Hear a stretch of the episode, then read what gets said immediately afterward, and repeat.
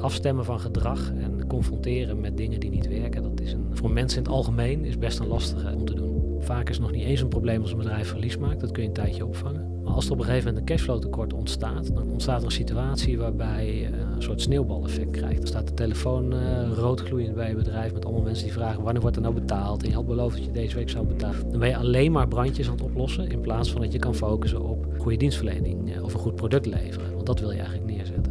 Dus je moet eerst samen in een gesprek gaan kijken van wat, wat, wat is er, wat is echt belangrijk en wat is de onderliggende oorzaak. Dus soms is wat de ondernemer aangeeft letterlijk het symptoom. Dus eigenlijk hetgene alleen wat je aan de oppervlakte ziet en is niet hetgene wat, wat er echt opgelost moet worden. Dat goed helder krijgen is eigenlijk het moeilijkste van de, van de opdracht. De Nijmegen Ondernemers Podcast. Vandaag hebben we Otto Schapenong te gast, a.k.a. de cijferdokter, die met zijn expertise bedrijven weer financieel gezond maakt. Wil je meer over symptoomherkenning en hoe je het bij de kern aanpakt? Blijf luisteren. Cijferdokter, hoe is dat begonnen? Hoe is dat begonnen? Ehm, ik heb uh, 30 jaar werkervaring in eh, finance. En op een gegeven moment merkte ik dat bij hele grote bedrijven, waar ik altijd werkte, mezelf niet meer thuis voelde.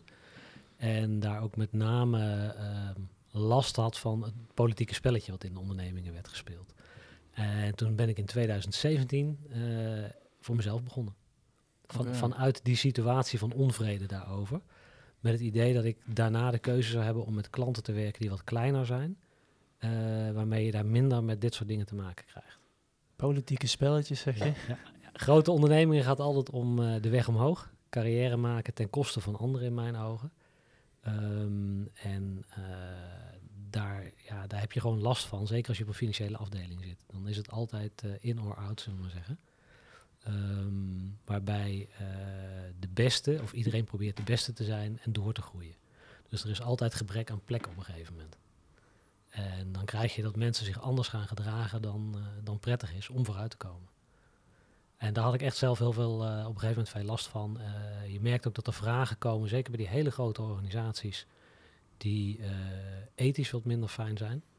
Um, en dat kan te maken hebben met het belastingregime waar ze onder vallen, met de politiek die meekijkt, bijvoorbeeld voor energiebedrijven.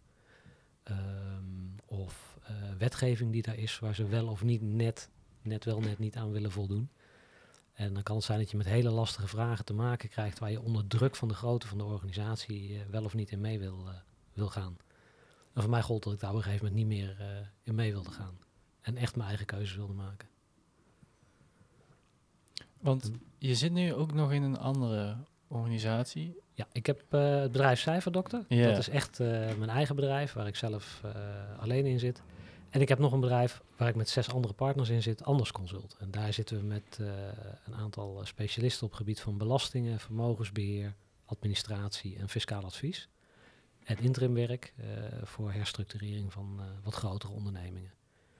En Cijferdokter richt zich echt meer op de wat kleinere ondernemingen. Nou, klein is nog relatief. zeg maar vanaf 10, 20 werknemers tot 50 werknemers. Um, om die te helpen met het in de grip houden van hun groei in financiële zin. Wat er vaak gebeurt is dat bedrijven die groeien, gaat te snel. Um, en dan ontstaat er een tekort aan, eigenlijk aan geld, aan cashflow. En hoe vang je dat nou op? Hoe zie je dat nou van tevoren aankomen? En hoe vlieg je dat nou aan om dat goed in de grip te houden? Hoe ontstaat er eigenlijk dat tekort aan cashflow? Um, in, voor die groei ja. zul je op een gegeven moment voor de meeste bedrijven moeten gaan investeren. Zeker als je een kapitaalintensief bedrijf bent, zoals je machinepark hebt. Maar ook bijvoorbeeld een, uh, een webdevelopment bureau die op een gegeven moment een kantoor gaat inrichten, medewerkers aanneemt. Uh, dan zie je dat de kosten op een gegeven moment behoorlijk op, uh, oplopen. Terwijl de omzet misschien nog niet meegroeit. Terwijl je wel in een groeitraject zit met een omzet die van jaar naar jaar met 10, 20, 30, 40 procent groeit.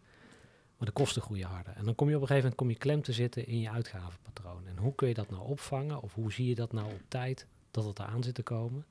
En ik help ze ook van, als je dat niet intern kan oplossen, want dat kan soms intern, door op een slimme manier met geld om te gaan, met wat doe je wanneer. Maar soms kan het ook niet anders dan dat je extern vermogen aan moet trekken. En wat is dan slim? Hoe kun je dat doen zonder uh, hele hoge lasten uh, te hebben of een bank die voorwaarden stelt waar je zelf niet zo, uh, zo blij van wordt? Want hoe doe je dat, die externe ik kijk met de ondernemer wat past bij het type bedrijf. Ehm, wat ik belangrijk vind is dat ze een, eh, een, financieringsvorm krijgen die past bij wat ze doen en bij hoe die ondernemer zijn onderneming wil leiden. Ehm, als jij gewend bent om heel autonoom, heel, heel zelfstandig je gang te gaan, dan past bijvoorbeeld een bank die een heel strak beleid heeft op bepaalde uh, ratio's of bepaalde verhoudingen, die past niet goed bij je. Want dan zul je moeten gaan voldoen aan, het, aan de richtlijnen van de bank, terwijl je zelf eigenlijk altijd gewend bent om heel vrij en heel makkelijk daarmee om te gaan. En dan zou het kunnen zijn dat een andere vorm, bijvoorbeeld een crowdfunding vorm of een uh, extern aandelenkapitaal, dus een externe partij die meekomt met financieren, maar niet alleen geld meebrengt, maar ook um, ja, zeg maar kennis en kunde op vlakken die jij mist. Als ik een, uh, een ondernemer ben die uh, heel goed is in marketing van mijn bedrijf, uh, maar ik ben wat minder goed in strategie of finance, dan kan het heel fijn zijn als je een investeerder hebt die dat stuk meeneemt, die die kennis heeft. En we proberen al op die manier te kijken hoe we een ondernemer kunnen versterken. Dus niet alleen met kapitaal, maar eigenlijk ook met ja, wat er verder nog meer bij komt met kijken. Kennis. Met kennis. Samenwerking. Ja, samenwerking ook. Want waar vind je dat soort specifieke investeerders die ook een stukje kennis kunnen meegeven? Um, vooral binnen, uh, binnen netwerk. Um, ja, partijen, investeren, investeerders die ik al ken. En soms is het ook gaan zoeken. En dat maakt het heel lastig, want dan zit je met betrouwbaarheid van partijen. Van Mhm. wie is wel goed, waar zitten, waar zitten kansen. Maar de, als we hier gebruik van maken, komt het meestal uit mijn eigen netwerk, uit uh, netwerken van investeerders, van groepen investeerders die samen bijvoorbeeld in een bedrijf willen investeren. Oké. Okay. Kun je dat goed peilen, die, of een, een, een bedrijf legit is of niet? Dat is moeilijk.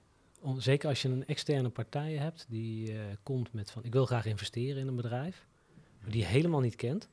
Dan, moet, ja, dan zul je echt helemaal bij het begin moeten beginnen met onderzoek doen. Wat is het voor partij? Waarom investeren ze? Uh, wat is hun belang? Wat, wat willen ze? Groei op lange termijn? Willen ze zo snel mogelijk cashen? Want dat is wel even een heel ander scenario wat er dan gaat gebeuren als ze uh, inspraak krijgen in een bedrijf. Mm -hmm. Dus het is wel zaak om heel goed te kijken wat ook daar weer, wat zijn de intenties van, van beide partijen, zowel van de ondernemer als van degene die de financiering inbrengt en past dat bij elkaar? Oké, okay, maar weten ze het zelf wel? Soms. En het is heel snel, vaak heel snel doorprikken hoor. Er zitten veel investeerders tussen die snel rijk willen worden. Eigenlijk het liefst. In plaats van kijken naar de lange termijn en groei op bijvoorbeeld 10 tot 15 jaar. En dat laatste vind ik het belangrijkste. Het gaat om een duurzame relatie uiteindelijk. Zowel voor de ondernemer als voor de investeerder. Ja, Want- probeer je ze daar dan bewust van te maken. Ja. Ja, daar die- moet je ook echt op ingaan in de gesprekken in het Ja, begin. precies. Want die investeerders die snel rijk willen worden, waar zijn die dan eigenlijk naar op zoek? De, Wat de- voor bedrijven? Ja, de quick fix, dat zijn eh, eh, mensen die A investeren ehm, om snel resultaat te halen. Dat kan dus als je bedrijven snel aan groei helpt eh, en daarna doorverkoopt. Maar dat zijn ook de mensen die allerlei eh, zaken binnen crypto bijvoorbeeld willen proberen. Of die ehm, instappen in bedrijven. Een paar jaar geleden was eh, de marketing hype rond e-commerce en internetondernemen best wel groot. Mensen die daarin stappen en dan daarmee proberen heel snel kapitaal te maken. Maar er is maar een hele kleine groep die dat echt lukt. En het is altijd, ik, ik vind met investeren en, en met het opbouwen van bedrijven kun je beter consistent zijn en eh, ja, de tijd nemen, de lange termijnvisie daarin kiezen. En daar ook echt ja, na- naar die 10, 15 jaar termijn gaan kijken voor groei. Dan, eh, dan is het stabieler. ehm, heeft het voor alle partijen uiteindelijk ook meer zin om dat te doen. Ja, dat zeggen ze altijd toch? Dat je beter zo lang kan doen over naar je succes groeien in plaats van een quick fix krijgen en dat het dan sneller eh, afdaalt. Ja, de kans dat, dat het daarna afbreekt omdat je niet stabiel bent of omdat je, eh, of je bedrijf is bijvoorbeeld in omzet en eh, medewerkers heel snel gegroeid, maar je procedures of je systemen zijn niet meegegroeid. Ja, dan, dan loop je ook tegen een grens aan. Dan merk je dat de buitenkant van je bedrijf eh, misschien al groter is dan zeg maar de binnenkant, de achterkant, aan kan. Ja, dan wat je aan kan. En dan is het zaak om eerst intern te gaan kijken en te zorgen dat dat aangepakt wordt. Interesting. Als cijferdokter, welke, welke ziektes kom jij eigenlijk het vaakst tegen? Ja, de term cijferdokter is ooit bedacht door een eh, oud collega. En ik vond het wel een mooi, omdat het een uni- unieke was en hij was nog niet, eh, de naam werd nog nergens gebruikt. En dat paste wel bij mij, omdat ik echt al daarvoor al een paar jaar riep van... hé, hey, we moeten niet aan symptoombestrijding doen, we moeten echt de oorzaak aanpakken. En toen had ik met deze naam in één keer de klik van, hé, hey, dit is hem. Nou ja, wat kom je tegen? Ehm, ja, eigenlijk kun je het onder één term samenvatten. En dat is het gedrag van de ondernemer. Of het nou is uh, dat de klantrelaties niet lopen, waardoor de omzet achterblijft. Of dat er uh, een schuld is ontstaan aan de Belastingdienst, omdat mensen de blauwe enveloppen niet meer open durven maken. Of daar heel nalatig zijn met de administratie. Het komt altijd neer op gedrag van de ondernemer zelf. Een, ondernemer, een onderneming waar um, intern uh, gedoe is, of dat nou is uh, tussen medewerkers onderling of in het afhandelen van klachten van klanten, ligt altijd aan het voorbeeld van de ondernemer of het managementteam. Dus uiteindelijk is hetgene wat je moet aanpakken het gedrag van de ondernemer. En in mijn vak, in finance, wordt heel vaak gekeken naar uh, we moeten het systeem, de financiële afdeling, ja. processen moeten we aanpakken. Ja, die ook. Maar dat zie ik eigenlijk alleen maar meer als een basis. Als je Volgens mij hoeft dat niet heel moeilijk te zijn. Als je een financieel systeem hebt en een, uh, een, een, een, aantal mensen die daarvoor zorg dragen, dan, dan ben je er al. Dan gaat de rest meer over hoe wil ik als ondernemer mijn onderneming leiden. Zodat iedereen zich op de, op de manier gedraagt en de dingen doet zoals we dat met z'n allen graag samen willen. Op, op de manier waarop je als onderneming naar buiten wilt treden. En dan geef je ze eigenlijk psychologisch advies. Ja, en dat is wel ook hetgeen waar het vaak uh, knalt, zullen we maar zeggen. Um, de vraag komt meestal, ik zeg maar bijna naïef op, uh, kun je ons helpen met het opzetten van een financieel systeem? Of uh, we hebben een uh, projectafdeling die niet lekker loopt qua rapportages, kun je daar eens meekijken? Ja, dat kan, maar dan komen we daarna bij de volgende stap. En dat gaat dus altijd over gedrag. En dan, ja, dan moet je kijken of je dat de goede kant op kan krijgen. En dat is, dat is meestal lastig en ook confronterend voor de ondernemer, want die wordt met zijn eigen ego, ego tekortkomingen geconfronteerd. En dat, dat is een ingewikkeld dus vaak. Ja. ja. Hoe doe je dat? Ja, precies. Door die spiegel voor te houden. De confrontatie van, hé, hey, ik zie bepaalde dingen, uh, bepaalde manieren waarop je dingen doet, die niet werken uh, voor wat je wil. Een, um, een ondernemer die heel graag uh, bijvoorbeeld zegt van, oké, maar ik zou graag wekelijks een rapportage willen hebben over mijn projectadministratie, zodat we er goed op kunnen sturen maar die daarna niet bij de wekelijkse meeting aanwezig is, die geeft daarmee al een signaal af, direct de eerste keer van, hé, hey, we hebben met z'n allen afgesproken, maar mij boeit het eigenlijk niet. Nou, dan ben je qua medewerker in de organisatie ben je al heel snel je mensen kwijt. En dan is, het, uh, ja, dan is het zaak om de ondernemer daar, ja, daarmee te confronteren en afspraken te maken van hoe pakken we dit nou aan? Wil je dit echt of zit er eigenlijk iets anders onder? Heb je, heb je eigenlijk liever dat een ander het voor je gaat regelen? Nou, dat kan ook, maar dan moet je iemand aanwijzen in je MT die het oppakt. Ja. En dan moet je zeggen van oké, okay, ik, ik wil me bijvoorbeeld alleen maar met verkoop bezighouden. En jij, beste manager uh, projecten, jij wordt verantwoordelijk voor uh, die hele projectadministratie. En uh, jij gaat voortaan de meetings voorzitten. Nou, dan heb, dan heb je weer een nieuwe situatie waarin het klopt. En, maar het, het, afstemmen van gedrag en confronteren met dingen die niet werken, dat is een, voor mensen in het algemeen is best een lastige om te doen. Ja. En ik, wat, wat veel ondernemers nog lastig vinden, die storten zich helemaal op die zaak. Dan is werk vaak heel erg belangrijk. En dan merk je dat ze op een gegeven moment ander gedrag gaan vertonen, omdat dingen niet in evenwicht zijn. En daar bedoel ik mee dat bijvoorbeeld het werk heel belangrijk is gemaakt, maar het loopt thuis niet goed. Of het loopt fysiek niet goed. Met, uh, een ondernemer besteedt geen aandacht meer aan het onderhoud van zijn lijf. Door te trainen, te sporten, gezond te eten, slapen. Mm-hmm. En vaak zijn dat dingen die over het hoofd gezien worden. En daar kun je, je kunt niet mensen uh, heel ver meenemen in die verandering. Maar je kan ze wel handvaten bieden van... hé, hey, ik zou daar eens naar kijken om uh, daar ook rekening mee te houden. Een lifestyle coach. Ja, nee, nee, maar het, is wel, het kan wel helpen om... Um, op welk gebied je ook verandering wil. Uh, mm-hmm. Om, ja, het zo. om, ja te, om, om dat beter te gaan doen. Ja. En wat voor, op wat voor vlakken adviseer je ze dan vooral? Je had het al over sport, over... Nou, het is meer een uh, ze op weg helpen. In de zin van een aantal ideeën aandragen. En wat mensen ermee doen, dat moeten ze echt zelf weten. Uh, want voor de een werkt sporten, voor de ander werkt uh, iets meer tijd maken en een boek lezen. Iedereen moet wel uitvinden wat bij hem of haar past daarin. Yeah.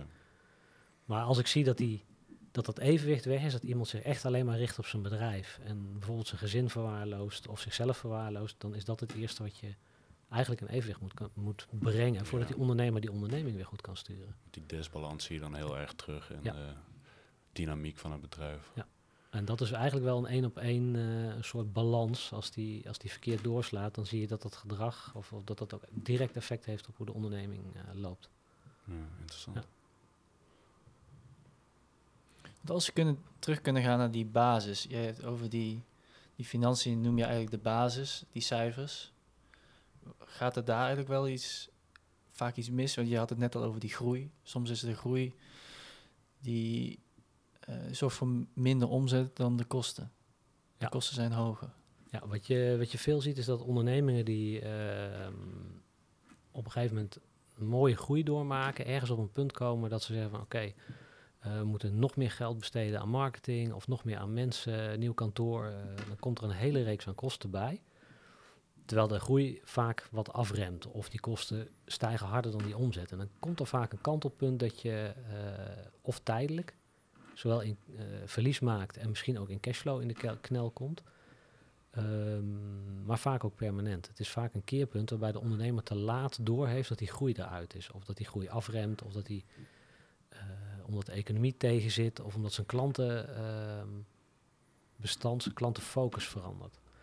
En het is wel zaak om daar, ehm, ja, daar tijdig op in te spelen. En wat kan helpen is als je een goede eh, vooruitblik maakt, in financiële zin, ehm, om dit op te sporen. En als je een helder, heldere prognose hebt en je weet wat de uitgaven zijn en je weet ongeveer wat de, wat de inkomsten zijn, als je daar een fatsoenlijk model eh, maakt, en dat klinkt heel simpel, dat is het meestal ook, dan heb je al een goede blik op eh, waar het misgaat uiteindelijk. Is dat de- dan de beste manier om te groeien met zo'n model? Ehm, nou, gecontroleerd te groeien. Om exact te weten wat, wat er inkomt en wat er uitgaat in de onderneming. Zodat je op het moment dat je ziet dat, je, eh, dat er een squeeze komt, dat er ergens een tekort ontstaat, in cashflow bijvoorbeeld, dat je dat op kan vangen door of een investering iets uit te stellen of ehm, ja, als het nodig is, dus te spelen met je financieringsruimte. Het kan zijn dat je dan dus een externe lening moet aantrekken of dat je als je beschikking hebt over een kredietfaciliteit bij een bank, dat je daar tijdelijk gebruik van maakt. Maar dan kun je hem op het juiste moment inzetten. En ehm, ja, om groei te faciliteren is het belangrijk dat je grip hebt aan, aan die cashflow kant, maar ook op de rest van je organisatie. Iedereen moet meegaan in die groei. Je krijgt op een gegeven moment, stel je even heel simpel gezegd, je begint als ondernemer alleen. Nou, dan is de eerste fase dat je op een gegeven moment mensen erbij moet gaan halen. Moet je gaan leren samenwerken. Ehm, daarna moet je gaan leren delegeren om dingen af te stoten. Dan komt er vaak een laag tussen, ontstaan de afdelingen. Dus dan moet je eh, wat meer gaan focussen op niet het aansturen van mensen die direct werk doen, maar een managementteam waarbij je mensen aanstuurt die anderen weer aansturen en kijken dat ze dat op een goede manier gaan doen. Dus je focus gaat langzaam veranderen. En daar moet je als ondernemer wel, eh, wel in meegroeien op een gegeven moment. Mhm. En daarmee dus ook eh, je kennis van eh, hoe je met financiën omgaat, omdat het ook steeds groter en steeds uitgebreider wordt. En Want wat zijn de meest voorkomende problemen van financiën van ondernemers? Ehm, ja, letterlijk eh, cashflow tekort. Ehm, vaak is het nog niet eens een probleem als een bedrijf verlies maakt. Dat kun je een tijdje opvangen. Maar als er op een gegeven moment een cashflow tekort ontstaat, dan, dan ontstaat er een situatie waarbij je een, een eh, soort sneeuwbaleffect krijgt. Dan, eh, dan kun je leveranciers niet op tijd betalen. Eh, dat, dat geeft heel veel gedoe. Dan staat de telefoon roodgloeiend bij je bedrijf met allemaal mensen die vragen wanneer wordt er nou betaald. En je had beloofd dat je deze week zou Mhm. betalen. Dan ben je alleen maar brandjes aan het oplossen in plaats van dat je kan focussen op eh, goede dienstverlening eh, of een goed product leveren. Want dat wil je eigenlijk neerzetten. Ja, ja, ja, dat je de focus kwijt bent. En het kan een keuze zijn om dat tijdelijk te doen. Hè? Want een van de manieren van financieren kan zijn dat je je, je crediteuren een klein beetje oprekt, zullen we maar zeggen. Dus dat je eh, met bepaalde partijen in overleg gaat om die betaaltermijn wat op te rekken tijdelijk. Maar dan moet je dan wel heel helder in zijn om gedoe te voorkomen. En wat ik vaak zie is dat die dan die termijnen worden opgerekt, er wordt later betaald, er wordt minder actief betaald en dan ontstaat er gedoe. En gedoe levert altijd negatieve energie op in zo'n bedrijf. Eh, mensen voelen zich daar niet prettig bij. En ehm, dan merk je ook dat de scherpte eraf is intern. Dus dat de diensten die je dan wil leveren ook gewoon niet meer goed gaan. Oh, oké. Ja. Dat alles elkaar beïnvloedt Ja. op dat moment. Oh shit. Want je bent denk ik, als je een eigen bedrijf hebt, ben je altijd wel een beetje brandjes aan het blussen. Maar je wil de meeste tijd eigenlijk steken in jouw diensten en die eigenlijk zo goed mogelijk maken. Wat is eigenlijk de juiste balans tussen, eh, tussen die twee? Ja, je moet eh, zoals ze mooi zeggen, tijd in je bedrijf en tijd aan je bedrijf eh, werken. En ik zou zeggen, kies op zijn minst één dag in de week dat je zegt van, nou, het kan me niet schelen wat er gebeurt, maar deze dag is voor ontwikkeling. En het kan voor jou als ondernemer zijn, maar ook voor maken van afspraken, plannen voor de toekomst. Dus voor het, het voeren van sollicitatiegesprekken, het uitzoeken van medewerkers, een, een nieuwe techniek eh, beoordelen van of die voor jou van toepassing is. Ehm, ja, voor, voor veel ondernemers geldt dat ze ook eh, tijd moeten besteden aan het uitbreiden van, zeker voor, voor groeiondernemers, waar ik dan bij voorkeur eh, mee werk.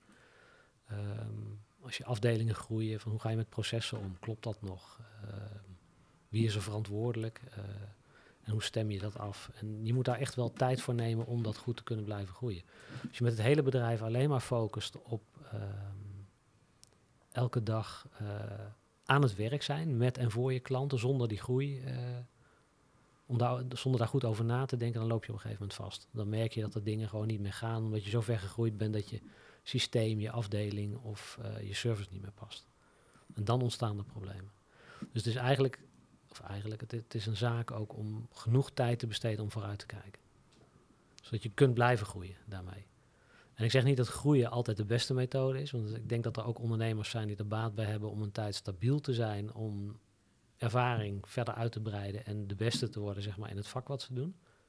Maar als je het doel is om te groeien, dan moet je echt tijd inbouwen om, eh, om dat vorm te geven. Ja, maar zo kan je ook problemen voorzien, toch? Ja. Problemen die je tegen gaat komen in de toekomst natuurlijk. Ja, dan kun je er van tevoren over nadenken. Ja, precies. Maar je bent zelf dus een, je hebt twee bedrijven. Je bent, één bedrijf deel je met zes andere partners. En één bedrijf ben je dus zelf. Hoe is dat om dat allebei te doen? Eh, anders. Het andere bedrijf heet ook Anders Consult. Oké. Ehm, maar het is wel een verschil. Ehm, voor cijferdokter, als ik eh, eh, zaken die ik niet zelf kan of wil doen, dan werk ik met ZZP'ers, besteed ik dingen uit. Bij Anders Consult doen we eigenlijk alles zelf. We zijn met z'n, zessen en de werkzaamheden die we doen, eh, kan eigenlijk iedereen zelf. We hebben een simpel systeem, een, een, een makkelijke te onderhouden website en een, eh, ja, redelijk basic administratie. Ehm, met cijferdokter is dat nog wel eens anders, omdat je voor bepaalde zaken heb ik gewoon een externe partij nodig. Als, en dat geldt voor bijvoorbeeld eh, of dat nou is een stukje van je website bouwen of ehm, een stuk van je administratie doen. Ehm, merk ik gewoon zelf dat ik daar weinig tijd aan heb. En ik ben daar ook, ja, gewoon ook zelf aan het uitproberen van hey, wat werkt nou om het weg te zetten bij een ander en hoeveel tijd scheelt dat? En dat Hmm. is wel een andere, weer een heel ander vak.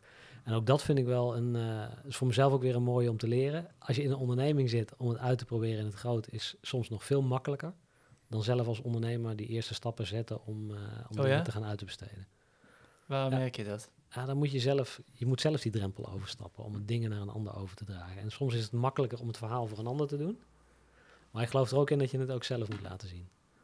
Ik kan wel een ander gaan vertellen van zo moet je het doen. Maar het werkt honderd keer beter als je het zelf al een keer uit de praktijk eh, hebt gedaan. En soms is het confronterend om te zien dat je zelf met die praktijk ook niet zo makkelijk overweg kan. Waarom denk je dat het zo moeilijk is om naar jezelf te kijken in plaats van iemand anders probleem te zien? Ehm, ja, om, om dezelfde reden dat het voor die ondernemer soms moeilijk is om te groeien of om andere dingen anders te doen, geldt dat voor jezelf ook. Eh, alles wat verandering is of alles wat een eh, tekortkoming is of voelt als een tekortkoming, eh, ja, dat geeft een wat negatieve reactie bij jezelf. Maar daar moet je wel doorheen. En dan moet je Mhm. wel op verder bouwen en, Niet, en aan mee doorgroeien. niet aan de kant schuiven. Zo Nee. van, dit is niet voor mij. Nee, ik geloof daar heel erg in eh, om eh, dat soort dingen ook gewoon echt aan te pakken en, en juist niet opzij te zetten. Want er zit ook heel veel. ehm, je kunt heel veel kennis krijgen over jezelf ook als je op die manier ermee omgaat. Omdat je juist ziet waar die struikelpunten zijn. En dan ook in één keer denkt, oh, maar wacht even, dit zie ik bij zoveel anderen ook op die manier gebeuren. Wellicht kun je daar dan weer op, met de kennis die je daarmee hebt eh, verder bouwen. En dit is iets wat ik bijvoorbeeld ook in de binnen Cijferdokter heb ik de trajecten voor ondernemers, maar ook voor eh, ondernemers en particulieren over het opbouwen van vermogen. En daar merk ik heel erg dat de hindernissen die je zelf tegen bent gekomen daarin, in dat proces, dat je die heel goed kunt gebruiken om een ander op weg te helpen. Omdat je bijna alles op herkenning kan doen. Van, oh, ik snap precies waar diegene nu doorheen gaat, welke weerstand of welke angst daarachter zit om eh, bijvoorbeeld van kleinere naar grotere bedragen te gaan, eh, gaan beleggen of om eh, bepaalde beslissingen te nemen binnen je vermogensopbouw die best risicovol zijn of, of dat je een keer een verlies moet nemen, maar dat dat beter is op de lange termijn. Als je daar zelf al een keer doorheen bent gegaan, dan is het een stuk makkelijker om het aan een ander uit te leggen van hé, hey, dit doe je om die en die reden. En dan weet je het niet alleen van papier, maar echt ook uit de praktijk. Want je bent eigenlijk een ondernemer die advies geeft aan ondernemers. En in welke fase zit je nu? Of waar wil je als ondernemer echt graag naartoe groeien? Ehm, waar ik naartoe zou willen is dat ik een eh, dat cijferdokter een onderneming wordt waarbij ik andere ondernemers kan laten zien hoe je op een eh, vrije manier kunt ondernemen. Waarbij je ehm, alles wat geregeld moet worden, de dingen die echt nodig zijn, ook goed geregeld hebt in een vast ritme met vaste discipline. En dat is iets wat ik tegenwoordig bij, ehm, ja, ook bij veel collega-ondernemers soms wel mis. Het, eh, het klinkt misschien wat ouderwets, maar strak discipline, dingen doen omdat het gedaan moet worden, niet omdat je er zin in hebt. Dat is Mhm. voor veel mensen nog een, eh, nog een uitdaging, merk ik. Want er zijn zoveel andere leuke dingen te doen eh, dan de dingen die per se gedaan moeten worden. En soms is de, je eh, afgeleid bent. Ja, afgeleid. Ja, de, nou ja, de afleiding is tegenwoordig heel makkelijk. Hè? Iedereen heeft een telefoon Nee, op zak precies. en eh, kan, kan scrollen maar. tot hij gek wordt. Ja. Maar ook, ook met andere dingen. Ehm, ik denk dat ondernemers vooral ook heel veel eh, kansen zien. En soms ook in elke kans eh, zich willen verdiepen. Terwijl het op dat moment waarschijnlijk beter is om in een kans die er al ligt, of een project waar je al mee bezig bent, om je daar gewoon eens even in vast te bijten. En daar Mhm. echt heel veel tijd aan te besteden. Mhm. Focus. Ja, focus en discipline daarin. Maar ja, dat, dat moet echt vanuit jezelf komen eigenlijk.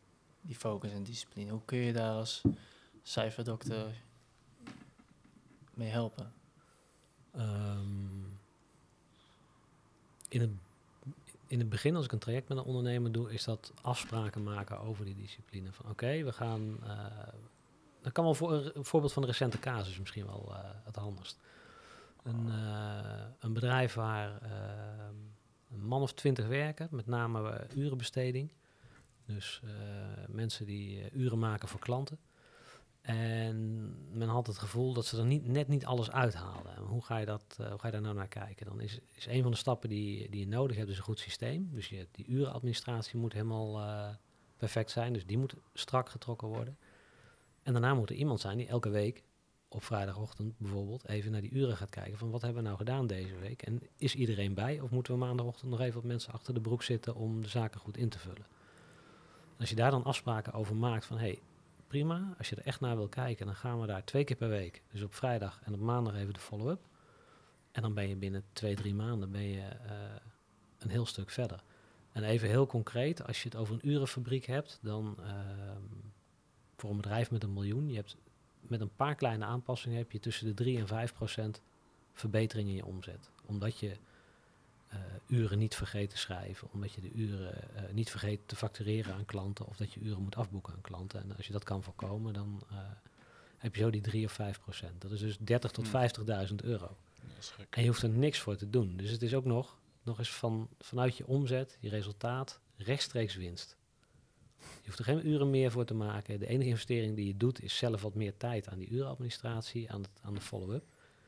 Ehm, nou, onlangs een onderneming die zat op 1,4 miljoen, 5% eh resultaat erop, 70.000 euro. En dat was een traject van 5000 euro. Daar ben je in drie maanden ben je klaar. En dit soort resultaten zijn eruit te halen.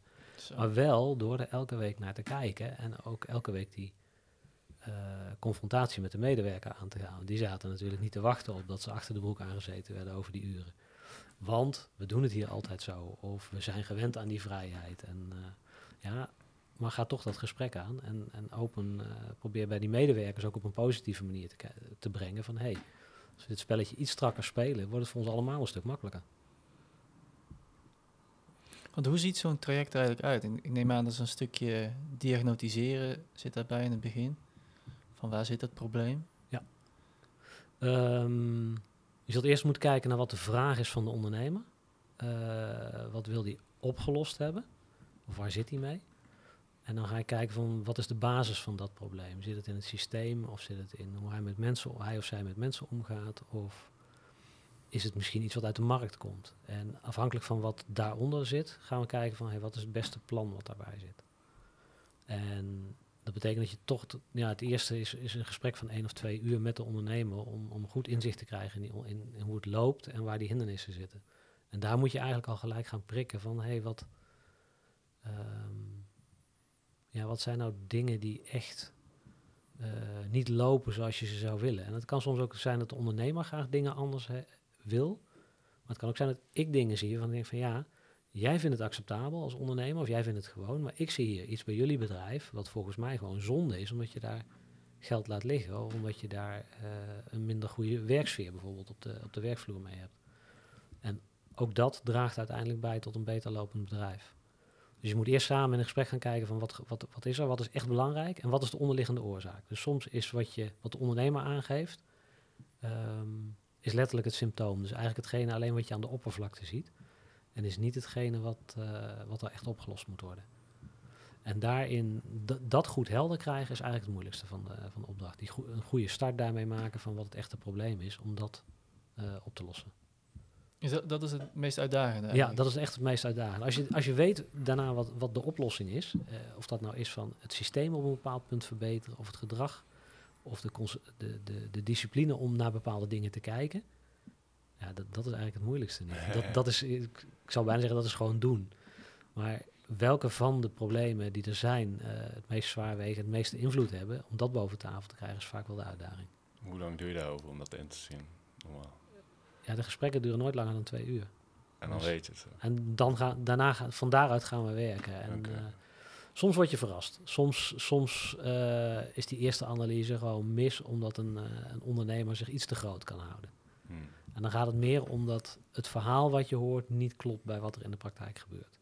En dat zie je dan bij een tweede of een derde keer als je met een ondernemer door het bedrijf gaat van hé, hey, ehm, ja, hoe gaat het er daadwerkelijk aan toe? En dan, nou, dan zie je dat je moet bijsturen. Maar dat, meestal, valt het, meestal zijn de Wel, ondernemers gewoon redelijk open. Hè, want die hebben zelf ook belang bij om, eh, Om door te groeien. om Daar heb je nooit problemen mee met dat ze niet alles laten zien. Dat ze, Jawel. Ik, ik heb regelmatig gehad, eh, on- ek- echt, en dat, daar komt geen einde aan volgens mij. Af en toe zit er iemand tussen. Dat je een ondernemer hebt die komt wel met een hulpvraag, maar wil zich eigenlijk niet laten helpen. En dat zijn wel lastige, want het lijken in het begin hele leuke opdrachten. Die heel erg de moeite waard zijn, want je denkt van, oh, hier kan ik echt wat bereiken voor die ondernemer.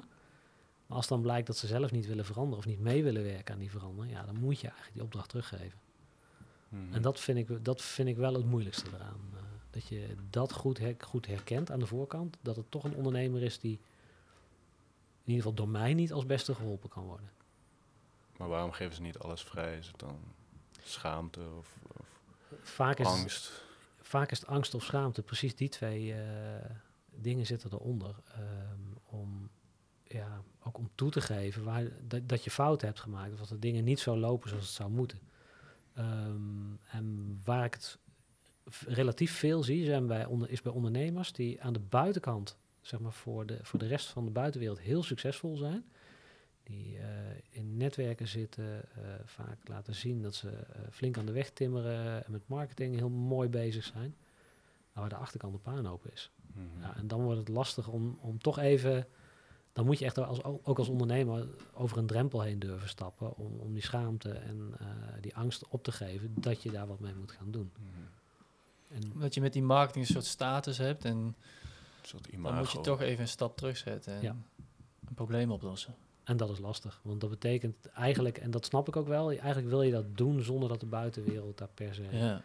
Een blik op heeft. Dus hoe ga je dat dan aanpakken dat je wel snel duidelijke stappen zet om dingen te verbeteren zonder dat je... ja, want advocaten die hebben een geheimhouding. Doe jij dat ook een soort van? eh, Elke, elke, iedereen in de financiële sector heeft dat. Eh, als, als ik een eh, overeenkomst maak met ondernemers, dan zit er ook altijd een geheimhoudingsparagraaf in. En dat heeft niet alleen te maken met of het wel of niet goed gaat met een bedrijf, maar ook gewoon omdat je met cijfers bezig bent en met Mhm. vertrouwelijke informatie. Dus dat zit er altijd in. Dus die post je niet op Instagram. Zo. Nee. ik heb wel eens dat ik eh, dat we wel een samenwerking op Instagram zetten, maar, of, of op, op LinkedIn, maar dat, dat is gewoon echt alleen in overleg. En dat is eh, af en toe dat een ondernemer dat wil.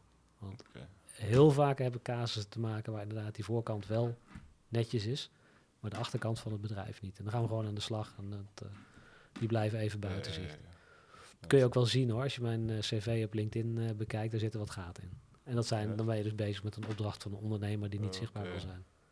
Oké. Ja. Want zie je een toekomst waarin de cijferdokter die opdrachten ook samen met anderen probeert op te lossen? Dat dat een team groter wordt? Ja, ik zou het liefst uiteindelijk, als je echt kijkt wat is je eindpunt, dan zou ik willen werken aan een, eh, aan een team wat met ondernemers aan de slag gaat met, eh, met dat evenwicht op alle vlakken. Dus mentaal, fysiek, emotioneel eh, en financieel. Ehm, dus dat je zegt van oké, we kunnen ondernemers die daar behoefte aan hebben een pakket bieden waarbij je en financiën strak trekt en de ondernemer zelf, dus qua gedrag, fysiek, voeding, eh, beweging, Oh, eh, ondersteuning kunt bieden. Omdat ik denk dat de aanpak van de hele mens uiteindelijk het beste werkt. Mhm. Ehm, maar daar is ondernemend Nederland nog niet helemaal klaar voor, volgens mij. Mhm. Ik Oh, zie nee? het wel steeds meer gebeuren. Ook, ook bij hele grote ondernemingen die zich echt wel faciliteiten bieden voor medewerkers en voor, eh, voor mensen die daar werkzaam zijn om zeg maar, eh, bijvoorbeeld voedingsadvies eh, erbij te krijgen, of een goed voedingsprogramma of een bewegingsprogramma eh, te krijgen en daar ondersteuning in, eh, in te krijgen. Het begint wel langzaam wat meer eh, door te breken. Maar juist bij ondernemers die echt heel hard werken en heel veel tijd aan hun eigen onderneming besteden, zie ik daar nog wat, eh, zie ik echt nog ruimte om eh, ehm, ja, dat daar meer aandacht voor komt. Maar waarom denk je dat Nederland daar nog niet klaar voor is? Nou, misschien wel klaar, maar ik zie het nog relatief weinig.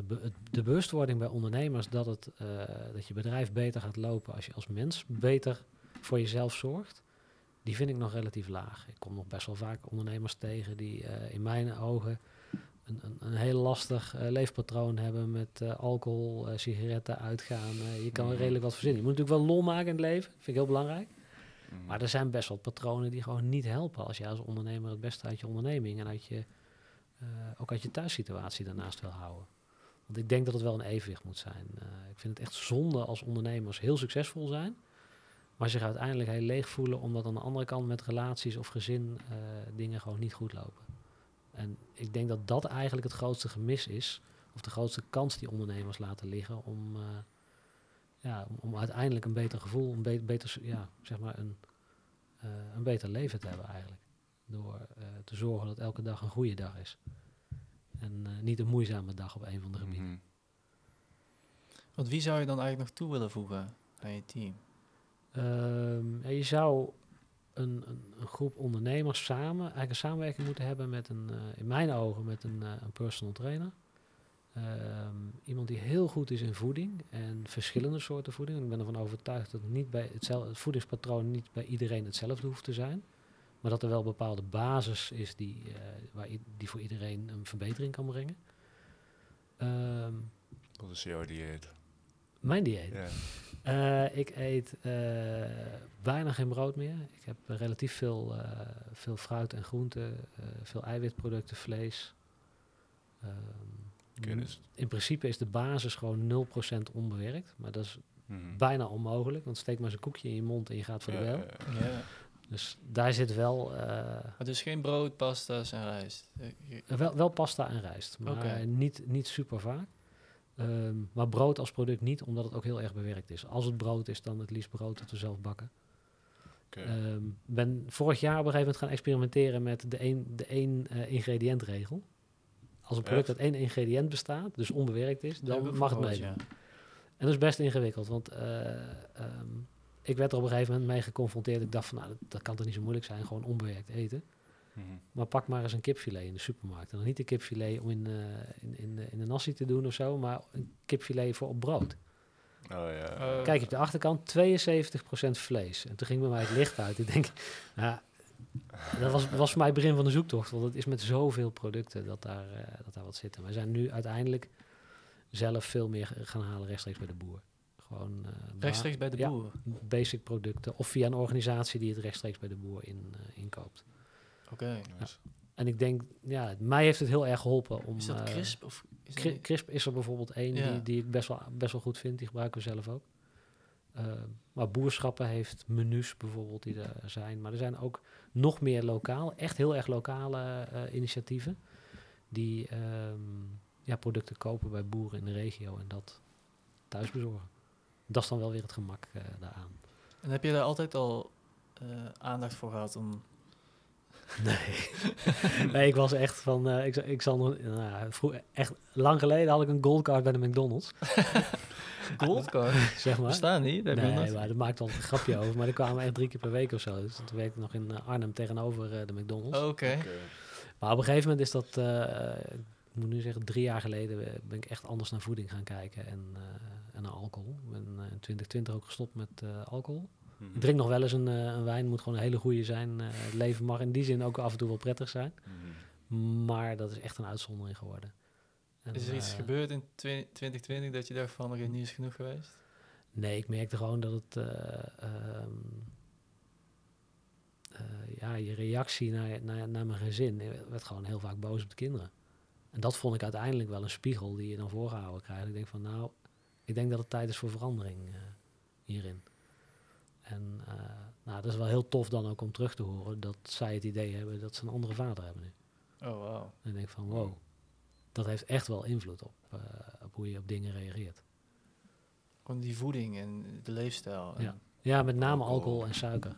Oké. Ja. Dat zijn twee dingen die, eh, die heel veel invloed hebben op je lever. En je lever heeft weer op je, bepaalde invloed op je gemoed, waardoor je Ja. Eh, ja, snel een wat boze reactie eh, laat zien. Ja, gefrustreerd bent Ja. om kleine dingen eigenlijk. Dus dat was wel echt een, eh, een eye-opener eh, op dat gebied. Maar nu dus nul suiker. Bijna nul. Ja. Bijna nul. Ja. Kom je niet in de verleiding dan voor alcohol of suiker? Ja. Ja, appeltaart. Nou, het is, kijk, eh, probeer het, zeg, zeg de 80-20 of de 90-10 regel. In principe is de basis gewoon onbewerkte voeding, maar er komt echt wel een keer taart of koek of wat dan ook eh, bij. Maar ik probeer het zoveel mogelijk bij de natuurlijke producten te houden. Dus als er ergens eh, eh, zoet, zoet in moet, dan pak ik honing gewoon eh, als basisproduct. Mm. In plaats van helemaal, zullen we zeggen, kaal gekookte suiker, die, eh, die witte kristalsuiker. eh. En ja, zo zijn er meer dingen waar je uiteindelijk een vervanger voor vindt of zegt van nou, dat stop ik gewoon helemaal mee. Dus, Het is wel heel interessant dat jij, je wil niet alleen maar met de cijfers bezighouden. Je wil echt het grote geheel aanpakken. Ik- ja, dat, dat is uiteindelijk een. eh, ja, ik heb, ik heb, je het daar bij mezelf mee- gezien. mee over gehad met jouw partners? Van dat je zoiets wil bouwen? Wat vinden zij daarvan? Binnen Anders Consult is dat misschien wat lastig, omdat de interesses daar anders liggen. Maar ik heb het wel met lokale aantal ondernemers hier in Nijmegen al over gehad. Om te kijken of we met een aantal eh, freelancers op die manier een, een samenwerking aan kunnen gaan. Om dit eh, aan ondernemers te kunnen aanbieden. Dat je de, voor degenen die er behoefte aan hebben, dat je de mogelijkheid hebt om andere partijen in te schakelen om eh, op die vlakken ook aan het werk te gaan. Maar dan moet je dus ondernemers hebben die zeggen: Oké, ik zie nu dat ik in de groei van, van mijn bedrijf zo hard groei en daar komt zoveel verandering, zoveel verandering voor mijn eigen gedrag bij kijken dat ik daar hulp bij nodig heb. En die relatie van dat je als ondernemer op een gegeven moment echt naar jezelf moet gaan kijken, naar welke patronen heb ik en welke, waar komen die vandaan? Komen die uit mijn opvoeding? Komen die uit hoe ik met, zelf met sport en voeding met mijn eigen lijf omga? Daar denk ik dat nog echt eh, een hoop werk te doen is en eh, dat daar ook eh, nog een hoop bewustwording omheen moet komen. Ik zie het wel steeds meer komen. Er is wel zeker de laatste paar jaar steeds meer interesse voor dit vlak. Dat mensen wat breder kijken dan alleen maar werk, werk, werk. Maar ook van hoe kan ik ehm, door beter voor mezelf te zorgen ook beter presteren uiteindelijk. mhm. Want eh, zijn er dan andere figuren die jij inspirerend vindt, die, die dat wel goed doen? Ehm, nou ja, voor mij was in, eh, ik ben op een gegeven moment in 2019, begin 2020, naar Tibor, eh, met Tibor in aanraking gekomen. Ik of jullie die wel eens zien hebben, Tibor eh, Olgers als business coach, maar die ook heel erg focust op zorg dat je eh, fysiek, voeding, mentaal, slaap, dat je dat soort dingen op orde hebt. Zodat je niet alleen maar focust op je bedrijf, maar ook op jezelf en je gezin. Dus dat je echt dat evenwicht weet te bewaren. En ik heb een jaar lang bij hem in uh, Mastermind gezeten. En daar heb ik echt heel veel van geleerd. Omdat je met 40 ondernemers zit die er precies hetzelfde over denken. En dat is wel iets heel tofs om te doen. Omdat je met allemaal mensen zit die ondernemer zijn, uh, openstaan om, uh, om die ontwikkeling op al die gebieden te gaan doen. En daar dus ook aandacht voor hebben. En ik heb ook met een aantal van hen nu nog heel frequent contact om juist te kijken hoe, dat, hoe je dat aanpakt met die ontwikkeling. Want hoe werkt het? Is het een event of een traject? Of? Het is een traject. Het, is een, uh, het was destijds een jaartraject of een, uh, een traject per kwartaal met een uh, tweedaagse erin, een aantal losse dagen. Maar ook met een accountability groep. Elke vrijdag een call van 10 minuten van oké, okay, wat, wat waren je doelen van de afgelopen week? Hoeveel tijd heb je eraan besteed? Aan de, aan, ja, dat is goed. En hoe ver sta je? En dan niet de focus op de uitkomst, maar de focus op het proces. En dat was voor mij Hmm. echt een eye-opener. Ik kan zeggen van oké, ik wil deze week... Uh, stel dat je het belangrijk vindt om zichtbaar te worden, dat je artikelen gaat plaatsen op LinkedIn. Dan zou je kunnen zeggen, oké, ik wil deze week drie stukjes op LinkedIn geplaatst Mhm. hebben. Maar dat lukt of dat lukt niet, afhankelijk van hoeveel tijd je eraan besteedt en hoe lang dat artikel wordt. En hij zei, we hebben daar geleerd op een gegeven moment ook, ook bewustwording op. Het is belangrijk dat je met het proces bezig bent. Ik besteed vandaag 20 minuten aan het schrijven van een artikel. Mhm. En of ik dan een artikel in één dag af heb, of in twee of in drie, dat hangt even van het onderwerp en de lengte af. Maar dan ga je kijken naar dat proces op gang brengen. En daar tijd aan besteden. Dan is het meetpunt van hoeveel tijd heb ik er per dag aan besteed en was daar echt de focus op. Dus dan ga je niet meer kijken naar. Um, een eindpunt. Ja, naar, naar, de, naar de aantallen in, um, in, uh, in artikeltjes in dit geval. Maar naar de tijd die je Ja. daarop doorbrengt. Maar het doel uiteindelijk, je echte criterium is wel dat je kiest. We gingen er toen vanuit één keer per kwartaal. Kies je één kernpunt. Wat wordt voor jou dit kwartaal het kernpunt? Is dat zichtbaarheid? Is dat uh, marketing? Uh, is dat het bouwen van je systeem? En dan kies je een, een, uh, een aantal meetpunten, twee of drie, die, uh, die daarbij passen. En daar focus je op. Dus elk kwartaal een andere focus? Ja. Steeds verder groeiend. Ervan uitgaand dat als jij dat kwartaal die focus afrondt, dat je een stap verder kunt. Want wat heb je voor dit kwartaal, de focus? Voor mij is, uh, is dit kwartaal uh, de focus op, eigenlijk op een verandering. Um, met name de, de verandering voor cijferdokter voor een product erbij. En dat is het, uh, het grip op vermogen. Dus het particulieren en ondernemers helpen starten met het opbouwen van een beleggingsportefeuille. Dat, ik, dat, dat heb ik afgelopen tijd uh, zeg maar in één op één sessies uh, gedaan. Want ondernemers gewoon actief met die vraag kwamen. En nou ja, letterlijk de afgelopen vier maanden is die vraag zo vaak gekomen dat ik denk van hé, hey, Hmm. kunnen we nu een, ja, daar moeten we niet een product of een programma voor, voor bedenken waar mensen die het aanspreekt erop in kunnen stappen. Maar hoe ziet zo'n beleggingsportefeuille eruit? Of wat moet ik me daarbij uh, voorstellen? Ehm, Het, het, focust op dat je uh, bewust bent van wat er kan, waar, je het voor doet. Dus dat, dat het voor de lange termijn is. En dat beginnen niet heel moeilijk is. Dat we tegenwoordig zoveel um, ja, tools of websites hebben en, en uh, bedrijven die diensten aanbieden op dat gebied. Dat het, zo dat het echt heel makkelijk is om te beginnen. Al, al is het maar met een inleg van 100 euro uh, per maand in een, uh, in een ETF, dus in een beleggingsfonds. Dat is de eerste stap die je zou kunnen zetten. En van daaruit bewust worden van wat kan er nog meer. Hoe bouw je een portefeuille op? Welke mogelijkheden zijn daar binnen aandelen, ETF, edelmetaal, crypto tegenwoordig ook. Vastgoed, of dat nog wel of niet een goed idee is, dat is natuurlijk ook een mooie vraag in de huidige markt. Maar zo kun je langzaam kun je steeds verder groeien en het uitbouwen. En eigenlijk is de grootste stap om gewoon te beginnen. Ik merk dat heel veel mensen daar tegenaan lopen. Want waar investeer je zelf in? Um, ik heb een hele brede uh, portefeuille. Um, uh, ik, we hebben een stuk in uh, aandelen ETF's zitten, crypto, um, edelmetaal, goud, zilver. En een stuk in cash, omdat ik verwacht dat er nog wel kansen komen op de markt de komende tijd. Kansen? Op kansen. Ja, in de zin van dat ik verwacht dat er nog een. dat kan zijn in vastgoed, maar het kan ook in aandelen zijn dat er nog een flinke teruggang in de markt komt. Waarbij je dan op dat moment, als je cashgeld achter de hand hebt, in kan stappen op een laag moment. Want dat is, ja, dat is eigenlijk de basis. Um, er zijn twee dingen die uh, bij beleggen daar, uh, daar belangrijk zijn om vermogen op te bouwen. Enerzijds is niet verliezen. Mhm. Maar je wil niet alleen maar spelen om niet te verliezen. Je wil af en toe ook wel spelen om te winnen. Dus ik- Mhm. voor de hele portefeuille moet je het zo indelen dat je eh, kans op verlies zo klein mogelijk is. Maar je wil wel focussen op kansen pakken, dus winst pakken. Dus echt spelen om te winnen waar dat kan. En dat is in mijn ogen op dit moment bijvoorbeeld eh, in het veld van crypto.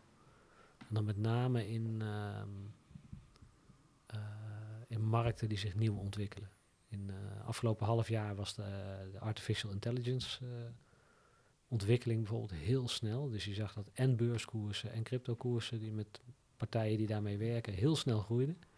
Mhm. Ehm, nou, ik denk dat daar nog een spurt in komt komende Ja. periode. Maar dat bijvoorbeeld ook de gamingwereld eh, ik denk, ja, komende 6 tot 12 maanden een hele grote sprong gaat maken. Hoe kom je daarbij? Eh, op basis van onderzoek. Heel veel tijd besteden aan eh, lezen, eh, bronnen raadplegen van waar zitten de ontwikkelingen van, eh, van markten. Oh, nice. Ehm, dus daar plan je ook even een dag. eh, in de nou, niet, niet zozeer een dag, maar een bepaalde tijd per dag, s morgens eh, daarmee beginnen. Want wat vind je van die, dat Warren Buffett advies dat mensen eigenlijk alleen indexfundsen moeten kopen? Dus de markt kopen. Ja, je koopt de markt en de markt heeft altijd gelijk. Hè? Dat, dat is zijn redenering volgens mij. Ja. Ja. ja, ik, ik, als je het heel simpel wil houden, dan zou dat, is dat op lange termijn een, eh, een heel goed advies.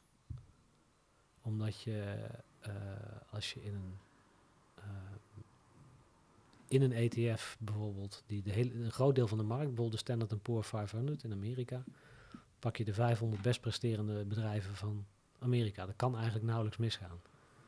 Als dat misgaat, is het voor korte tijd. Als je kijkt over een periode van 10, 15 jaar, heb je altijd een waardesprong in positieve zin. Een crash zoals in 2008 heeft een aantal jaren een gevolg, maar als je geduld hebt, dan stijgt die waarde weer daarboven uit. Maar ik denk wel dat het belangrijk is om het risico te spreiden. Dus niet alleen op één product. Dus eigenlijk vind je dat eigenlijk al te, te narrow eigenlijk, als je alleen de S&P 500 koopt. Zeker als je alleen die zou nemen. Ik zou altijd eh, mijn, mijn portefeuille in vieren splitten. In, de zin, in de zin van dat je een... eh, stel je voor, je hebt een... ehm, een eh, zie het maar als een bord met een, een punt in het midden waarop die in evenwicht is. Mhm. Als jij vier kwadranten hebt, vier vlakken waarin je belegt, en één van die vlakken gaat omlaag, dan, zul je, dan gaat die andere dus omhoog. Zo zie ik mijn beleggingsportefeuille. Hij is zo ingericht dat als er ergens een grote tegenvaller is, dan wordt hij opgevangen door een, eh, een stijging aan de andere kant van de portefeuille. En als de hele economie goed gaat, dan gaan bijna alle, alle onderdelen van je portefeuille omhoog. Maar juist in tijden dat het economisch slecht gaat, vang je zo de ergste klappen op. Oh, jezus. Zo. Ja. In Oké. balans. Vier kwadranten. En dat is zelfs, eh, vroeger was, moest je, had je daar dus echt een, eh, een beleggingsadviseur of een vermogensbeheerder voor nodig om dat voor elkaar te krijgen. Maar met de tools die er tegenwoordig zijn, met, met apps waar je op allerlei mogelijke manieren, of je nou in goud, eh, zilver, aandelen.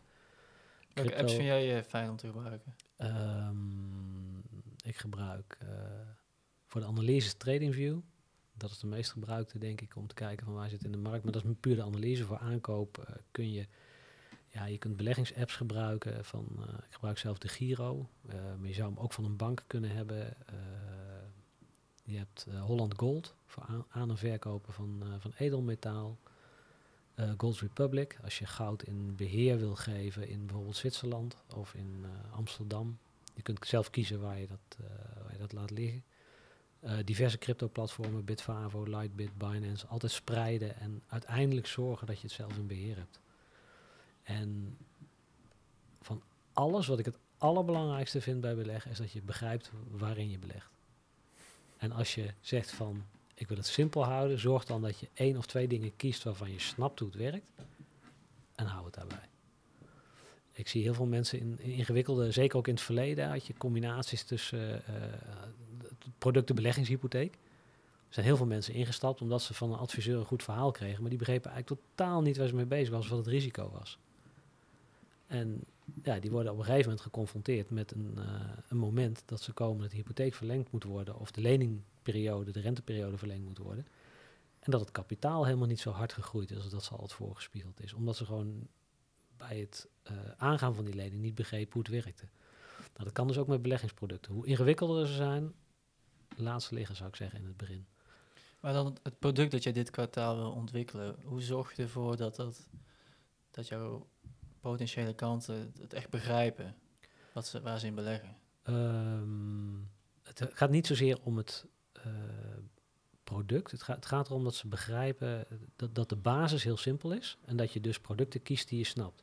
Kijk, als ik eh, een portefeuille heb met eh, vier aandelen, twee cryptofondsen en goud en zilver, of alleen goud, dan wordt het al redelijk overzichtelijk om te snappen wat er gebeurt. Voorwaarde is wel dat je begrijpt hoe crypto werkt en hoe je er veilig mee omgaat. Of wat aandelen zijn en dat die aan waardevermeerderingen, verminderingen, afhankelijk van hoe het met een bedrijf gaat, uh, uh, onderhevig zijn. Maar ik vind het belangrijk dat mensen dat snappen. Aan de andere kant moet je ook niet te veel angst hebben om te beginnen. Um, en dat wil ik mensen ook meegeven. Je kunt heel, uh, eigenlijk heel laagdrempelig beginnen, zodra je een bepaald percentage van bijvoorbeeld van je netto inkomen zegt van oké, okay, ik wil elke maand een vast bedrag van mijn netto inkomen wegzetten voor een lange termijn. En dat doel wat je daarmee hebt, dat moet wel helder zijn voor jezelf. Je kunt niet 100 euro per maand wegzetten en dan zeggen: Oké, over uh, 10 jaar wil ik een kasteel van 10 miljoen kopen. Want dat past qua plaatje niet helemaal. Nee. Maar als je een, uh, een reële inschatting maakt, dan is er veel meer mogelijk dan mensen denken. Zie je trouwens een verschil tussen uh, ondernemers en particulieren in die angst om te gaan beleggen? Ja, dat is een goede vraag. Ik, uh, ik zie bij ondernemers um, veel meer bereidheid om die risico's aan te gaan. Die zijn al gewend om dingen zelf te regelen als ondernemer, want dat, dat is bijna een voorwaarde als je ondernemer wil worden. En um, ze zijn bekend met die, ja, hoe zou ik dat zeggen, met de angst of de onzekerheid die voortkomt uit het ondernemen. En dat past ook prima bij beleggen. Die moet je soms zelfs afremmen dat ze niet te veel risico nemen. Oké. Okay. Daar zit het omgekeerd. En particulieren hebben het omgekeerde. Die, die kijken vaak heel veel naar hun spaartegoeden. Zijn heel behoudend. Terwijl ik denk van ja, sparen is leuk. Maar dan weet je zeker dat je geld volgend jaar minder waard is. Dan weet je zeker dat je ja. verliest. Maar dan uh, iemand in mijn, uh, mijn directe kring, zal geen namen noemen, maar die zegt ja, maar volgend jaar is die 1000 euro op mijn rekening nog steeds 1000 euro. Ja, dat klopt. maar je kunt er een stuk minder mee kopen. Ja. En dat, dat concept, als je dat eenmaal snapt, Mm-hmm. Dan wordt het ook heel veel logischer of veel makkelijker om te accepteren dat beleggen soms gewoon een betere optie is dan sparen. Om je werk aan het werk te zetten. Ja. Om, mm. om te proberen in ieder geval om de inflatie, waar ik van overtuigd ben op dit moment dat we daar nog wel een paar jaar tegen aankijken, tegen een inflatie van flink boven nul. Nou, hoe zorg je nou dat jouw vermogen blijft groeien met een percentage wat groter is dan, dat, uh, dan de inflatie? Anders ga je een vermogen achteruit en dat is zonde. Maar jij zegt net, die ondernemers die moet je juist een beetje afremmen. Die willen... Ja. Die, die zijn van het kansen zien en, uh, en ergens snel inspringen. En ik ken relatief veel ondernemers die geen enkele moeite hebben om in crypto te springen zonder dat ze echt goed onderzoek hebben gedaan. Dat bij particulieren, die willen dat wel eens doen met kleine delen van spaargeld, maar die zijn veel behoudender daarin uh, gemiddeld. Er zijn altijd uitzonderingen, maar... En ik denk dat het goed is dat ondernemers zich goed afvragen wat het doel is. Als je echt op lange termijn Uh, stel je bent nu een relatief jonge ondernemer, je bent 30, 35 en je wil op je 50ste, 55ste met werken stoppen. Dan heeft het niet heel veel zin om nu superveel risico te nemen. Dan zou je in mijn optiek veel beter kunnen kiezen voor een gedegen plan om in 20 jaar uh, dat vermogen op te bouwen. Zonder dat je te veel risico neemt om. Uh, nou, enerzijds risico nemen kan zijn dat je een hele grote winst maakt, maar het houdt ook in dat je veel kunt verliezen. En binnen een lange termijn beleggingsstrategie is het juist belangrijk dat die verliezen beperkt blijven. Want hoe kun je crypto kopen zonder heel veel risico te nemen? Um, niet. in, in, crypto, als je, uh, als je daar niet in verdiept, en dat, dat is soms ook nog best wel lastig, omdat niet elk project, elk crypto-project heel doorzichtig is hoe het in elkaar zit. Um, maar je kunt hem misschien uit elkaar trekken. Het, het, het project kan een risico zijn, dus het de munt of het project waar je in investeert. De andere kant is, hoe ga je met je geld om? Als, als je crypto koopt, ik zeg maar, je koopt bitcoin. Die is in mijn ogen relatief risicovrij. Daar kijken mensen heel anders tegenaan, dat weet ik. Um, maar die zet je op een, uh, op een exchange, dus op uh, bijvoorbeeld Bitfavo, en dan gaat iets met die exchange mis, dan ben je het kwijt. Dat is hetzelfde wat er in Amerika met de bank gebeurde. Die, uh, heel recent hebben we gehad dat er een aantal banken failliet gingen. Die zijn opgevangen door de overheid, waardoor mensen hun geld nu toch krijgen. Was dat niet gebeurd, waren ze hun geld kwijt geweest. Ehm, wat we afgelopen jaar zagen met de grote cryptobeurs FTX, die omviel. Een hoop mensen zijn hun geld kwijt. Dus de veiligheid die daarin zit, is dat je eigen beheer over je vermogen houdt. Dus dat je zorgt dat je crypto op een ledger staat. Dus op een plek die niet van een ander is. Dus die echt van jouzelf is. En adviseren echt zo'n hardware wallet. Ja, dus een, wat ze noemen een cold wallet. Oké. En ik merk met name bij wat kleinere beleggers dat ze daar in het begin heel tegenaan zitten te hikken, omdat ehm, nou, je kunt het heel concreet maken. Als je eh 2000 euro belegt en je moet een ledger, in een ledger investeren van 80 euro, ehm, dan pak je een aantal procenten van je marge af die je kunt maken met, met je belegging. En dat vinden mensen dan eigenlijk zonde van het geld. Dus dat doen ze dan niet. Laten ze het op een eh, exchange staan. Ja, als die exchange weg is, is die 2000 euro ook weg. Dus ik ben er wel echt heel erg fan van om eh, daar aan de voorkant in te investeren. In veiligheid. Ja. En dat, dat is ook als je edelmetaal hebt, dan moet je er heel goed over nadenken of je dat bij een externe partij onder wil brengen. eh, of dat je fysiek edelmetaal wil hebben, bijvoorbeeld goud, en dat ergens in een kluis op laat slaan. Je moet er goed over nadenken hoe je dat doet. Waarom ben je voor goud en zilver gegaan? Eh, omdat goud, als je, hoe ver je ook terugkijkt in de geschiedenis, heeft goud altijd een vaste waarde gehad eh, Mm. daarin. En ik denk dat goud is niet een, een medium, een waarde die vermogen opbouwt, maar vermogen behoudt. Gewoon heel stabiel is. Heel stabiel is, ja. Even als alles eh, down the drain gaat, de hele economie en wat dan ook, of er gebeurt iets heel geks, dan blijft goud zijn waarde behouden of stijgt zelfs. Je zag het heel recent ook eh, op het moment dat de banken onzeker werden. De, ehm, de eerste banken die in Amerika omvielen, zag je gelijk een dag later zag je de goudkoers met een voor goud heel fors percentage omhoog gaan. Dat is die edelmetalen, dat is een kwadrant van jou, neem ik aan. Ja. Ja, we hebben crypto, aandelen, edelmetaal en cash of vreemde valuta, zeg maar. Dat zijn eh, globaal genomen even de vier eh, hoofdpoten. Heb jij eh, tips voor de jonge ondernemer die willen starten met een onderneming? Ja, de belangrijkste tip gaat gewoon doen. Ik, ehm, ja, de- je moet er goed over nadenken wat je, eh, wat je wil. En je moet gewoon, zeker als je jong bent, eh, ik redeneer allemaal, je hebt, je hebt nog weinig uitgaven. Als je echt jong bent, dan kun je met iets beginnen wat je een goed idee vindt. En je moet het gewoon gaan testen. Ga het gewoon verkopen, wat jij zou willen. En kijk of er een markt voor is. En als er geen markt voor is, of je verkoopt het niet, dan is dat ook feedback van, hé, hey, dit was niet zo'n goed idee. En het gaat erom die feedback te verzamelen als ondernemer. Van wat werkt, wat, wat kan en waar zijn mensen bereid om eh, geld voor te betalen? Waar zijn ze mee geholpen? En ik denk dat het belangrijk is om goed na te denken. Niet eh, om, ik wil zo snel mogelijk rijk worden. Dat is de verkeerde instap volgens mij. Maar als je het omdraait, hoe kan ik zoveel mogelijk mensen helpen?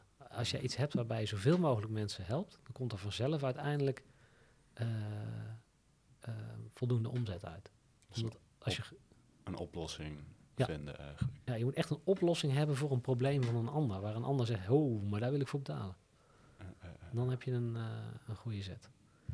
En dat is soms, ja, dat is gewoon beginnen en uitvinden en testen. Want je, ja, je gaat in het begin op je werk omdat mensen het niet willen, of het bevalt niet, of ze vinden het een slecht idee, of, eh, of ze vinden het te duur. Nou, dan moet je, dan moet je gewoon gaan testen. En eh, En het aanpassen. ja, je moet eigenlijk, eigenlijk nee moet je gaan verzamelen. Van je, moet, je moet met jouw idee de markt op gaan en net zo lang eh, doorgaan tot je 10, 20, 30 keer nee hebt gehad. Want dan heb je feedback op wat er niet klopt en wat je aan kan passen, dat het beter wordt. Dus, dus actief naar feedback zoeken. Op zoek naar de nee. Duidelijk. Wat we altijd leuk vinden om de episode mee af te sluiten, is te kijken of jij nog een eh, je favoriete boek met ons wil delen, of favoriete film, favoriete quote. Oeh, mijn favoriete boek. Ja, dat zijn er nogal wat. Of een bepaald boek dat je graag een shout-out wil geven. Ehm, ik zit even te denken wat ik recent gelezen heb. Nou, ja, het, het boek wat, wat veel ondernemers wel kennen is eh, Think and Grow Rich. Dat was voor mij de eerste stap in is verder denken in ontwikkeling. Omdat het, ik, ik vond achteraf, ik kwam er later pas, ik ken het boek in de versie van eh, Michael Pilacic, in de bewerkte versie. En ik vond het bijzonder om te ontdekken dat het boek volgens mij bijna 100 jaar geleden geschreven is. Maar dat de principes die erin staan eigenlijk tijdloos zijn. Napoleon Hill. Ja, Napoleon Hill. En dat vond ik wel, eh, wel heel bijzonder. Om, eh, daar was ik me toen ik het las nog niet van bewust. En op een gegeven moment ging ik Wikipedia volgens mij even opzoeken van wie heeft het nou geschreven, het origineel en wanneer was dat dan? Ik denk, damn, dat is lang geleden. dus dat vond ik wel een, eh, een eye-opener. En ehm, ik zit even te kijken wat er nog meer in de boekenkast staat. Ehm, ja, wat ik een heel, ja, dat is weer even een heel ander onderwerp. DMT, de spirit molecu- molecule. Dat eh, is voor mij een, eh, een hobby. Oké, Eh, vertel. psychedelica. Het, het is een boek wat gaat over de, over de invloed van DMT op, op hoe jouw perceptie is van zaken. Dus hoe werkt dat nou en wat doet dat nou met je? Op een wetenschappelijke manier. En dus tegenwoordig heel veel aandacht voor, eh, Microdosing. voor microdosing bijvoorbeeld. Dat kan met, eh, met truffels of met paddo's of het kan ook met, eh, al- met, met LSD of met eh, ayahuasca zelfs. Het kan met heel veel middelen. Ehm, maar er zit heel veel daarvan in een beetje in de zweverige hoek. Mhm. Terwijl er ook heel veel onderzoek is gedaan. Maar dat is vaak wat ouder. We hebben in de jaren 70, 80 is er een soort verbod geweest. Of een wereldwijde ban op eh, Ja, klopt. psychedelics. Waardoor al het onderzoek ook stil is komen te liggen. Maar dat is nu recent weer opgestart. En ehm, daar, is, eh, nou, daar gaat dit boek op in. Van een combinatie van oude onderzoeken met wat er nu loopt. Van oké, wat, is, wat is de staat van het Hoe heet onderzoek? boek? DMT, de Spirit Molecule. Oké. En ehm, nou, dit is voor mij wel een, eh, weer een eye-opener om eh, te kijken van hey, wat zit daar voor kennis in en wat voor mogelijkheden zitten daar ook in voor. Ja, want jij komt over als een eh, pragmatische persoon. Want hoe, hoe kun je dat eh, toepassen, die DMT? Hoe, hoe kun je dat gebruiken om verder te komen? Ehm, Het, ehm, ja, je, je moet er op een gegeven moment, als je ervoor open staat, dan kunnen psychedelica kunnen echt een, een, een, een ontzettende eye-opener geven op dingen waar je zelf nooit zo op gelet hebt of die je nooit zo ervaren hebt. Een, eh, een sessie met bijvoorbeeld eh, psilocybine, dat kunnen truffels zijn of paddenstoelen, of een, een sessie met DMT geven, ik zou bijna zeggen, geven je bewustzijn een enorme opdonder op dat moment en inzicht wat echt veranderend kan zijn. Nou, ik vertel al dat ik in 2020 eh, ben gestopt met, eh, met alcohol. Dat was voor mij de, de allereerste keer, dat was, was in, eh, na een truffelsessie, wat voor mij Oh, het nee. inzicht bracht van hé, hey, dit is eh, gewoon niet oké. Ik ben gewoon van de een, daarna van de een op de andere dag gestopt, gewoon klaar. Nice. Dus dat was voor mij echt wel dat ik dacht van wow, dit, hier zit wel echt iets in. En ehm, ja, ik denk dat eh, zonder dat de, je, je, de zweverige kant heel erg benadrukt wordt, ik denk dat het heel goed is om beide kanten eh, Mhm. te bekijken. Er zit een wetenschappelijke onderbouwing onder, een wetenschappelijke hoek, hoe je, het, eh, eh, hoe je daarna kan kijken. En er zijn heel veel mensen die het vanuit een meer spirituele kant bekijken. En ik denk dat het heel goed is om die twee dingen met elkaar te verbinden daarin. En ehm, nou, ja, de- daar, daar heb ik sinds drie jaar nu redelijk wat interesse in. Dat is mijn privéprojectje, zeg maar. Mhm. Eh, om daar kennis in op te bouwen door ook gewoon fysiek zelf onderzoek daarmee te doen. En ehm, ja, daar ook... eh, Dat is ook heel interessant om dat toe te voegen aan jouw... eh, ja. ja, aan het Ah, geheel. dat zou wel een interessante zijn om dat ook met ondernemers te gaan Oh doen. ja. Want zou, zou je microdosing adviseren? eh, dat hangt helemaal van af waar je het voor wil gebruiken. Ik denk dat het... Voor twee jonge ondernemers. ah, komt de vraag daar vandaan. nee, het, het kan een, eh, een hele mooie zijn om creativiteit of om focus eh, eh, te verhogen. En dan ligt het even aan wa- wat je waar je mee microdoost. Ehm, in mijn ervaring kan het soms wat lastig zijn om echt gefocust werk. Even als ik, als ik naar mezelf kijk. Als ik een dag op kantoor zit en ik moet eh, allerlei administratieve programma's, handelingen en Excel door, dan is microdosing met truffels in de ochtend niet zo'n goed idee. Mhm. Zeker niet als de dosis wat aan de hoge kant is. Want dan wordt focus, dus concentratie op hele precieze processen, waarbij je eh, echt alleen maar focust op eh, spreadsheets vullen of, of modellen nakijken, niet. Mhm. Maar een tekst verzinnen, dat werkt prima. Nieuwe ideeën uitwerken werkt fantastisch. Dus voor je creativiteit vind ik het een hele goeie. En ik zou het wel, ja, ik vind het zelf. Dan moet je dat goed plannen natuurlijk. Ja. Wanneer je dat wil doen. Ja, als je de, de, de, de dagen waarop je dat doet, zou je eigenlijk gewoon in mijn, naar mijn, zoals ik het zelf invul, goed moeten kijken wat is je planning en waar past het. Ik heb daar wel een vast schema in, dus ik probeer, ik hou daar een beetje rekening met de weekindeling. Ehm, en, eh, te- Merk je dan als je het niet doet dat het weer moe moeizamer gaat? Nee, het is niet zozeer moeizaam, maar het is meer een, meer een ondersteuning op de lange termijn. Het is ook niet dat je het elke dag. Is, ik, ik heb een, eh, een protocol waarbij je drie keer in de week, drie dagen in de week, een klein, hele, echt letterlijk de microdose Mhm. eh doet. En de andere dagen niet. En het is meer een soort achtergrondondersteuning. Hoe doe je dat eigenlijk? Die, dat, dat micro, is dat zo netjes afwegen? Ja, het, het is, eh, het zijn, je kunt het voorverpakt verkopen. Het zijn kleine porties die afgewogen gewogen zijn, bijvoorbeeld voor truffels op 1 gram. En je hoeft alleen maar de verpakking van die dag te openen. En, eh, Oké, dat wordt heel makkelijk Ja, gemaakt. het wordt heel makkelijk. Je, je kunt ook zeggen van oké, ik, eh, ik kweek thuis paddo's, ik droog ze, eh, ik vermaal ze en dan moet je wel een hele precieze weegschaal hebben, want je gaat echt in microgrammen of in halve eh, grammen rekenen. En dan kun je het zelf afwegen. Maar het gemak, je ziet dus al dat er een hele markt voor is, want er zijn allerlei mooie voorverpakte doses die vaak per 6 of per 10 eh, verkocht worden. Mhm. En dat is wel een hele lage drempel. Maar ik zou het vooral heel mooi vinden als mensen er meer open voor staan en meer gaan kijken van kan het helpend zijn? Mhm. Ehm, eh, en op welk gebied zou het helpend kunnen zijn? Ik, denk dat er voor bepaalde type mensen gewoon best wel wat kracht in, eh, in kan zitten om ook om het als ondersteuning van het proces om naar jezelf te kijken. Want je moet het wel breder zien. Het zijn, vaak mensen die ervoor openstaan, die zijn al bezig met persoonlijke ontwikkeling, zijn bereid om naar zichzelf te kijken. Ehm, en het is, het is een tool. Hè. Er zijn meerdere tools, bijvoorbeeld eh, ademwerk. Eh, nou ja, de Wim Hof methode is tegenwoordig wel redelijk bekend. En dan bedoel ik even niet het deel waar we met z'n allen in het koude bad springen, maar het andere deel waarbij hij eh, de adem, eh, ademwerk doet. Mhm.